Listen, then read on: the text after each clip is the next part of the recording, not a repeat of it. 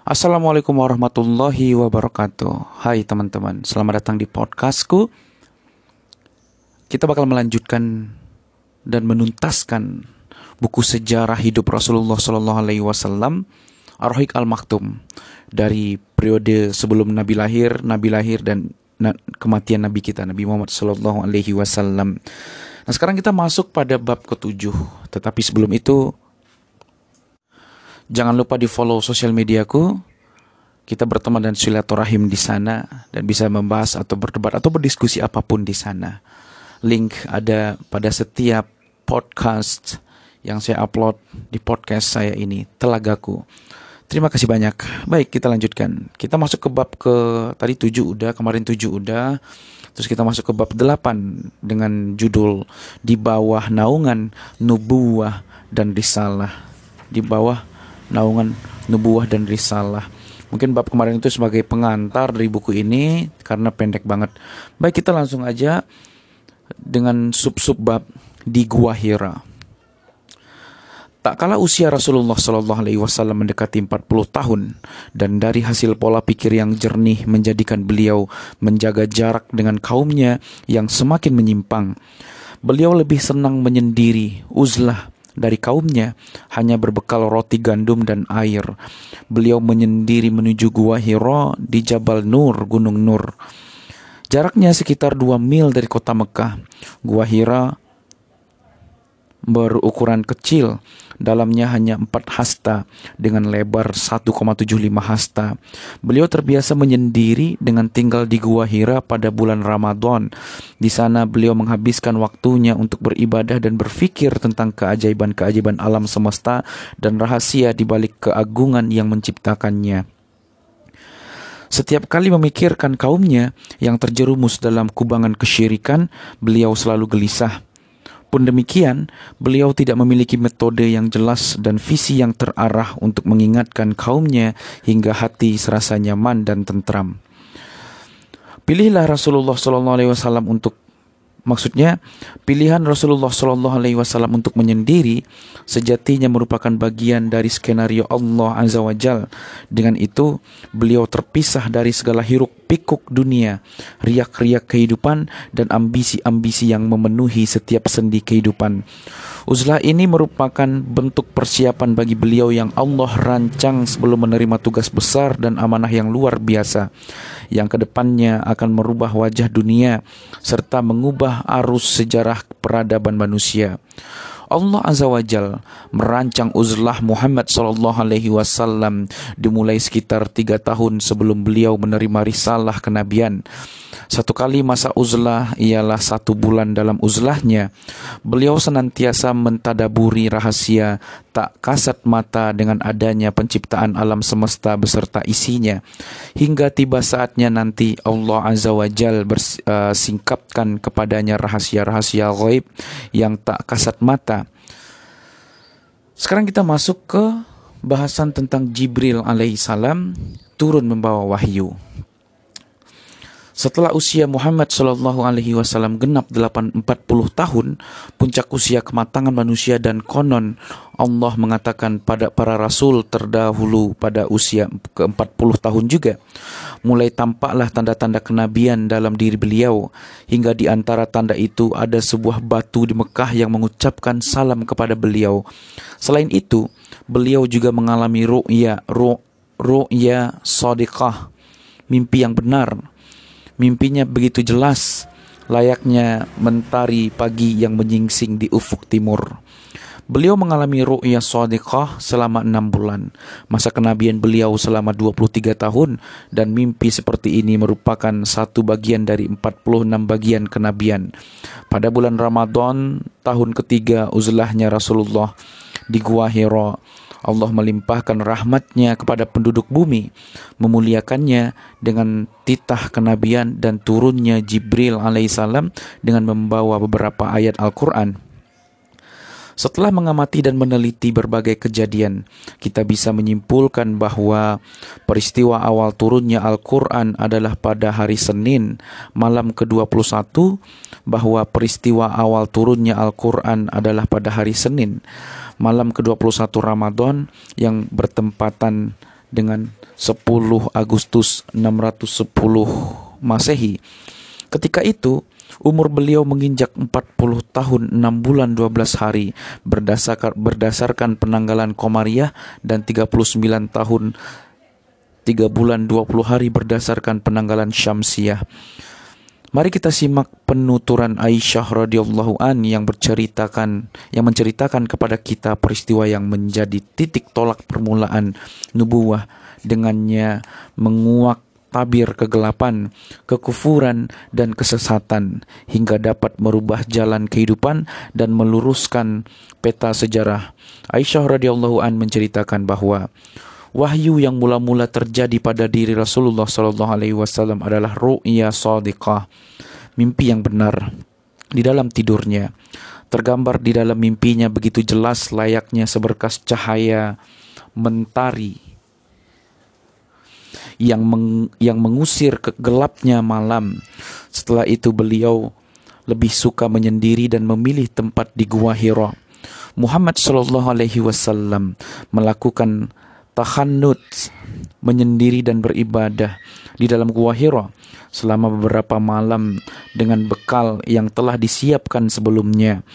Setelah berlalu beberapa malam, beliau pulang ke rumah Khadijah untuk mengambil bekal makanan dan kembali lagi ke gua Hira. Demikian seterusnya hingga kebenaran datang kepadanya. Sementara beliau ada di dalam gua, malaikat Jibril mendatangi Muhammad sallallahu alaihi wasallam di Gua Hira seraya berkata, "Bacalah." Terus Nabi kita mengatakan bahwa aku tidak bisa membaca. Jawab Nabi kita. Beliau kemudian menuturkan malaikat itu merangkul dengan erat hingga aku merasakan sesak nafas, barulah ia melepaskanku. Malaikat berkata lagi, "Bacalah." Nabi pun menjawab, Aku tidak bisa membaca. Lagi-lagi malaikat tersebut merangkulku untuk kedua kalinya hingga aku merasakan sulit bernafas. Lalu ia melepaskanku. Jelas beliau ketika itu. Untuk ketiga kalinya, malaikat itu berkata, "Bacalah."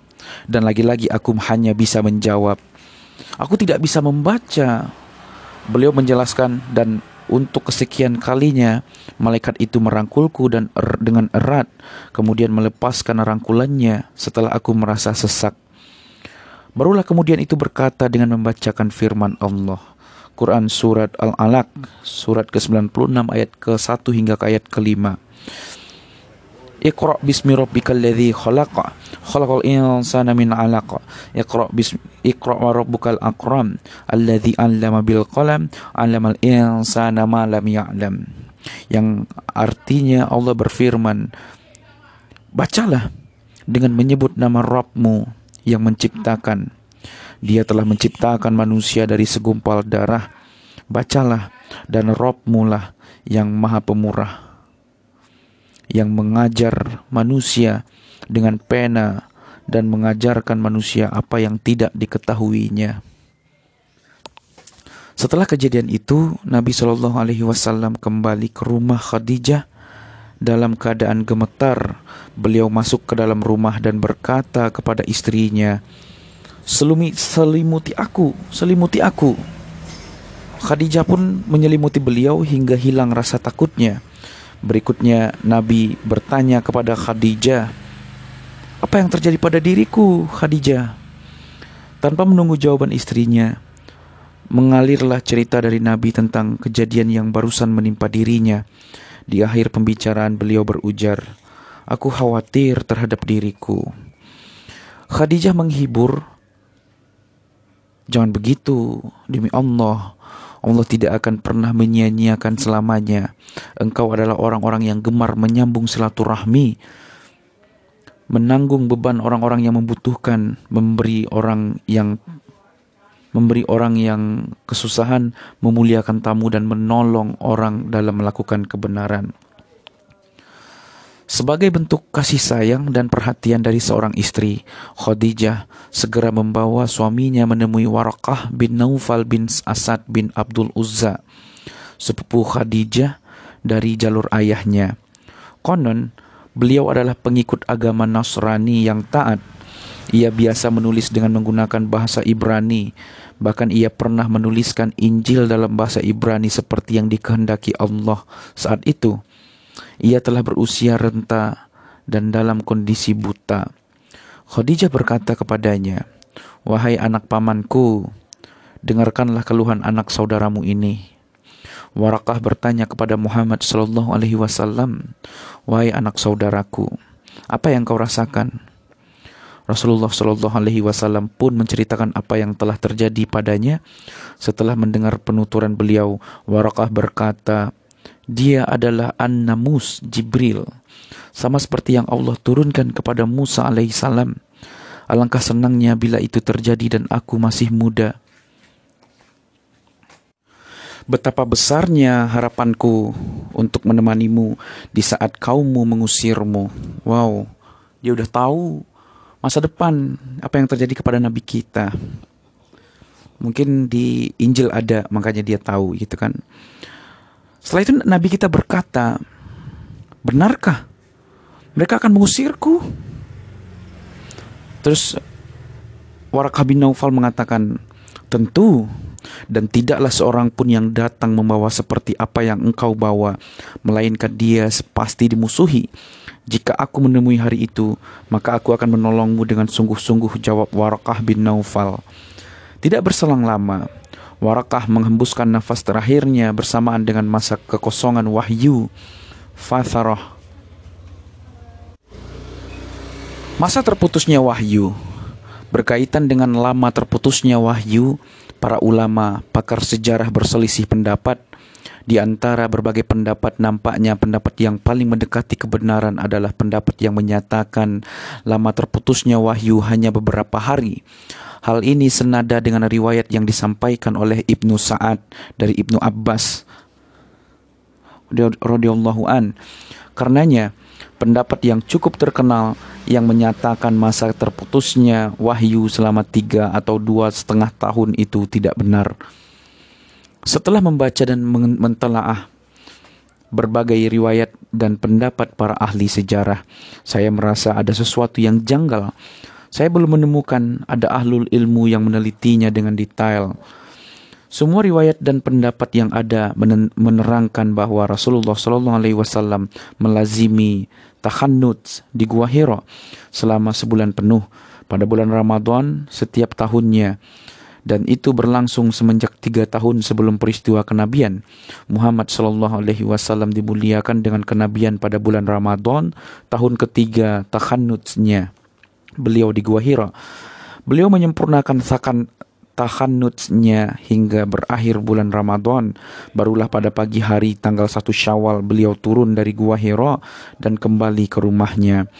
Dalam riwayat Bukhari Muslim disebutkan bahwa yang wahyu yang turun setelah masa terputusnya wahyu fatrah terjadi saat beliau dalam perjalanan pulang ke rumahnya dari Gua Hira.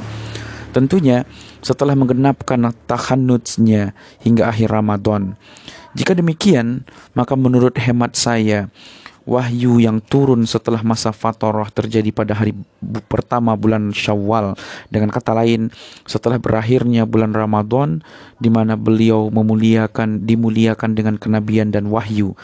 Hal itu dikarenakan beliau menggenapkan tahannutsnya di Gua Hira hingga akhir bulan.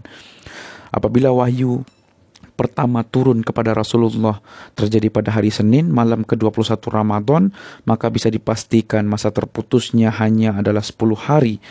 Hal itu disebabkan karena wahyu yang pertama turun setelah masa Fatarah terjadi pada Kamis pagi, tanggal 1 Syawal, tahun pertama kenabian.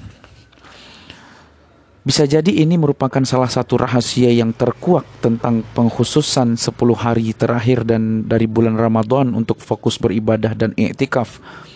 Juga pengkhususan dari hari pertama dari bulan Syawal sebagai hari raya yang menggembirakan. Wallahu a'lam. Pada masa terputusnya wahyu, Rasulullah hanya diam dalam keadaan termenung sedih.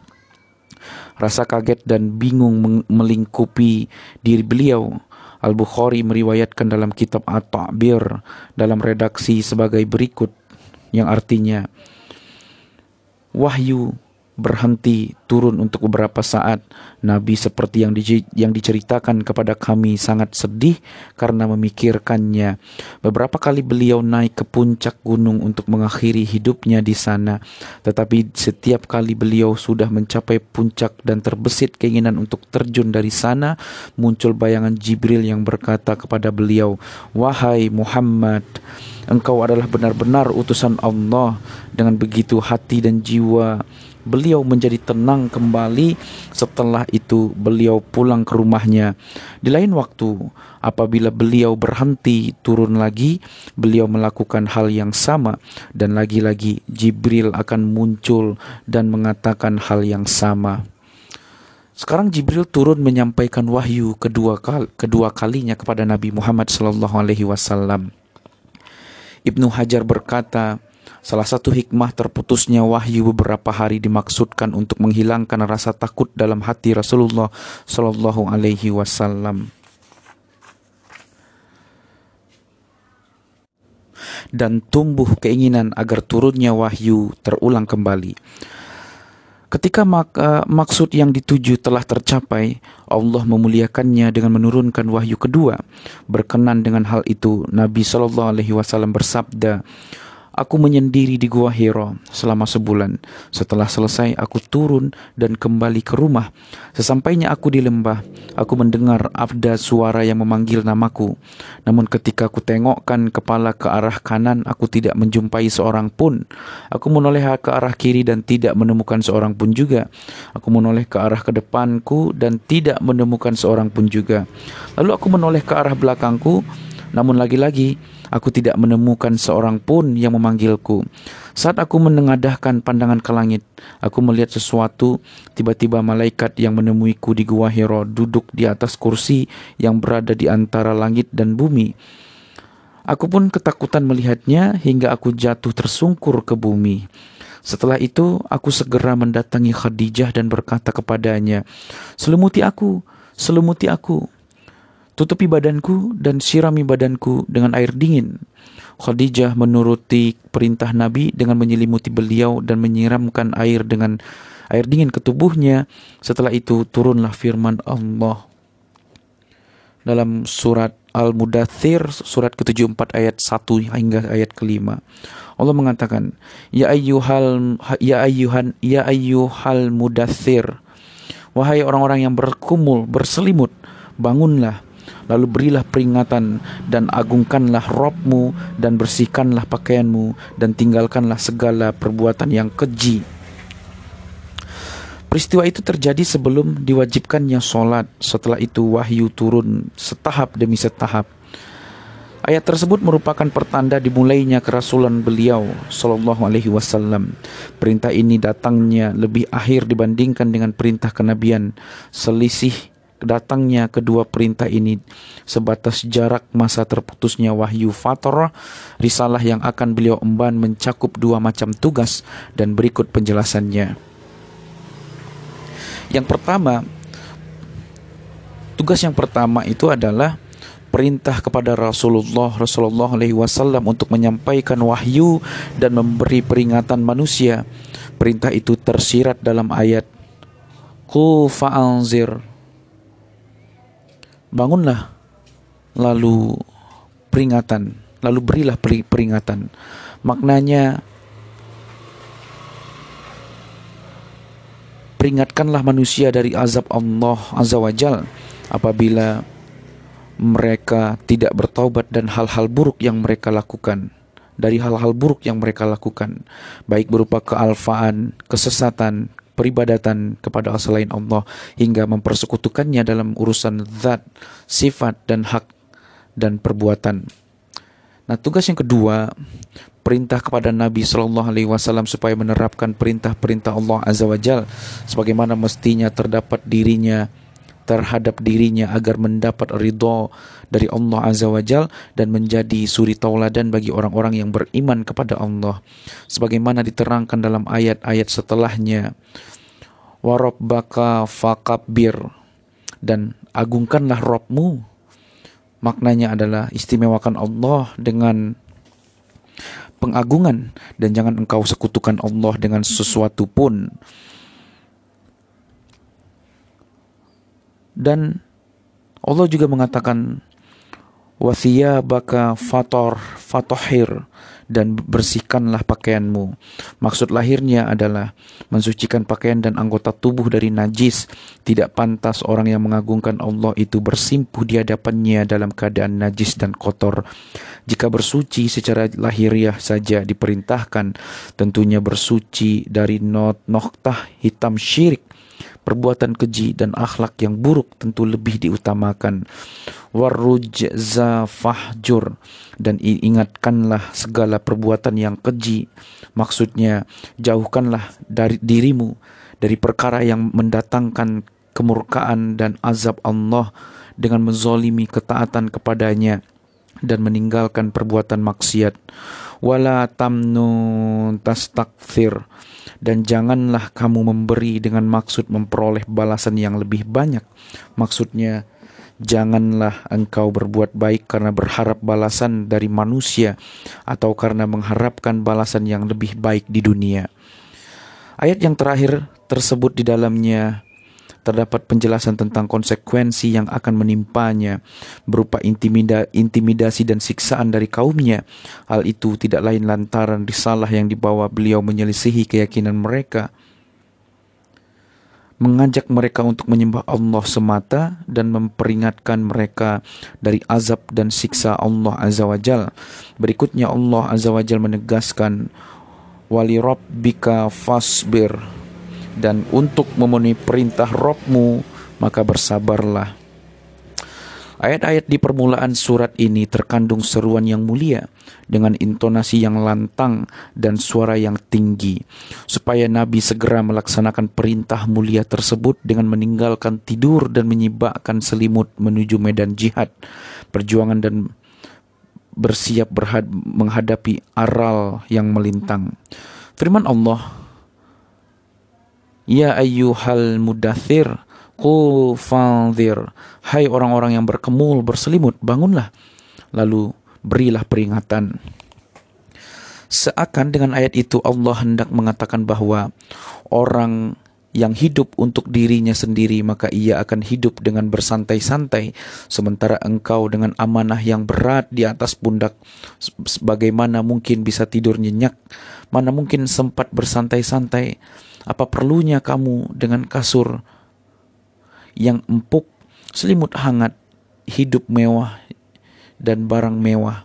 Bangunlah untuk menyambut perintah agung yang telah menaatimu, yang telah menantimu. Bersemangatlah memikul beban berat yang diletakkan di atas pundakmu. Tunjukkan kesungguhanmu hingga mampu mengusir segala rasa payah dan letih. Bersegeralah karena waktu istirahat dan bersantai-santai telah usai.